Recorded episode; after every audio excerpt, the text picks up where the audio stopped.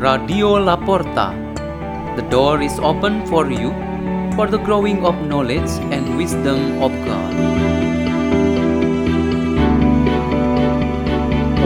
By Jeane Jacklyline and Lifia from St. Peter's School, Jakarta, in Archdiocese of Jakarta, Indonesia.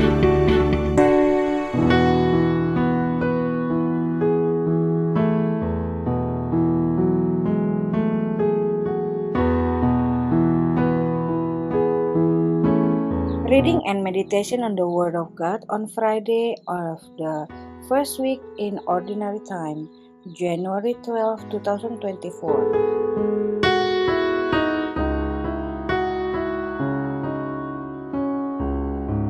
A reading is taken from the Holy Gospel according to Mark chapter 2, verse 1 until 12. When Jesus returned to Capernaum after some days, it became known that he was at home.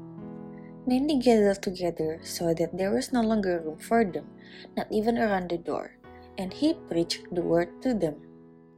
They came bringing to him a paralytic carried by four men.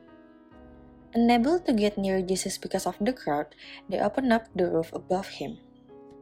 After they had broken through, they let down the mat on which the paralytic was lying. When Jesus saw their faith, he said to him, Child, your sins are forgiven. Now some of the scribes were sitting there asking themselves, Why does this man speak that way? He is blaspheming. Who but God alone can forgive sins? Jesus immediately knew in his mind what they were thinking to themselves. So he said, Why are you thinking such things in your hearts?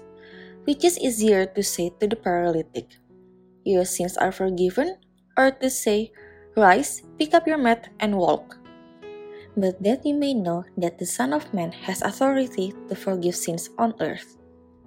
He said to the paralytic, I say to you, Rise, pick up your mat, and go home. He rose, picked up his mat at once, and went away in the sight of everyone. They were all astounded and glorified God, saying, We have never seen anything like this. The Gospel of the Lord.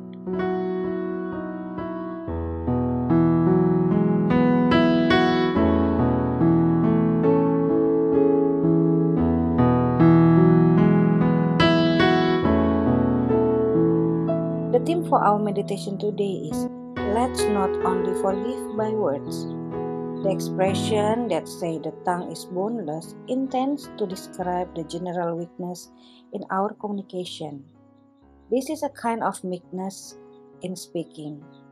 If people speak to one another according to the common standards of communication, they actually fulfill the expectation in human communication that it should be. However, when a conversation or, or speaking does not up to its proper time, place, and context, for sure it destroys interpersonal relationship and communication itself. And so, the expression of the tongue is boneless is basically true.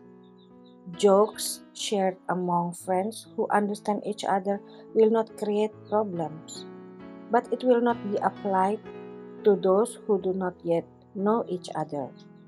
If someone has a speech delivered out of control in using words and expression, most probably it will create misunderstanding to the crowd or gathering who is supposed to listen to. A lie made, whether for evil intention or simply for some entertainment purpose, can be identified as part of the tongue is boneless manner of speaking. A talkative person who speaks endlessly keeps nagging others, keeps commenting excessively on other people.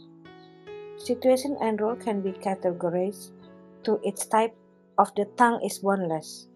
Likewise, people who we know how they speak so convincing and living the truth, yet they do not show the proof in action and reality of their words. In short, the tongue speaks of one thing, but actions show another. In terms of forgiveness, there's also a common weakness in our lives.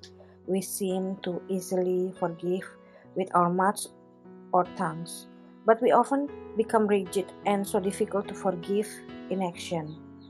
It is true that what first come out from us are such words, I forgive you or I have forgiven you. Our gospel today show that the Lord Jesus said these words to the paralyzed man who then was healed, after which he was ordered to give up, get up, leave and place, and return to his home as a new person. Often, what becomes our weakness as human beings in our words that are uttered so smoothly, well unconvincingly, yet we continue to live with sins, anger, hatred, resentment, and hurt feelings.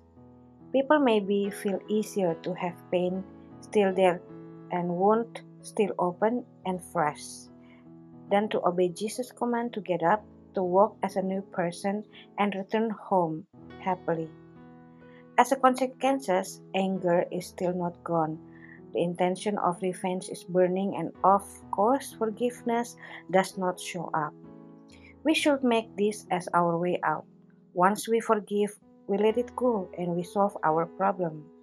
We become free and we need to start a new path of life as the persons already renew. Let's pray. In the name of the Father, the Son, the Holy Spirit. Amen. O Lord Jesus, teach us forgive truly and sincerely like yourself. Glory to the Father, and the Son, and the Holy Spirit, as it was in the beginning, is now, ever shall be, world without end. In the name of the Father, the Son, the Holy Spirit. Amen. Radio La Porta. The door is open for you.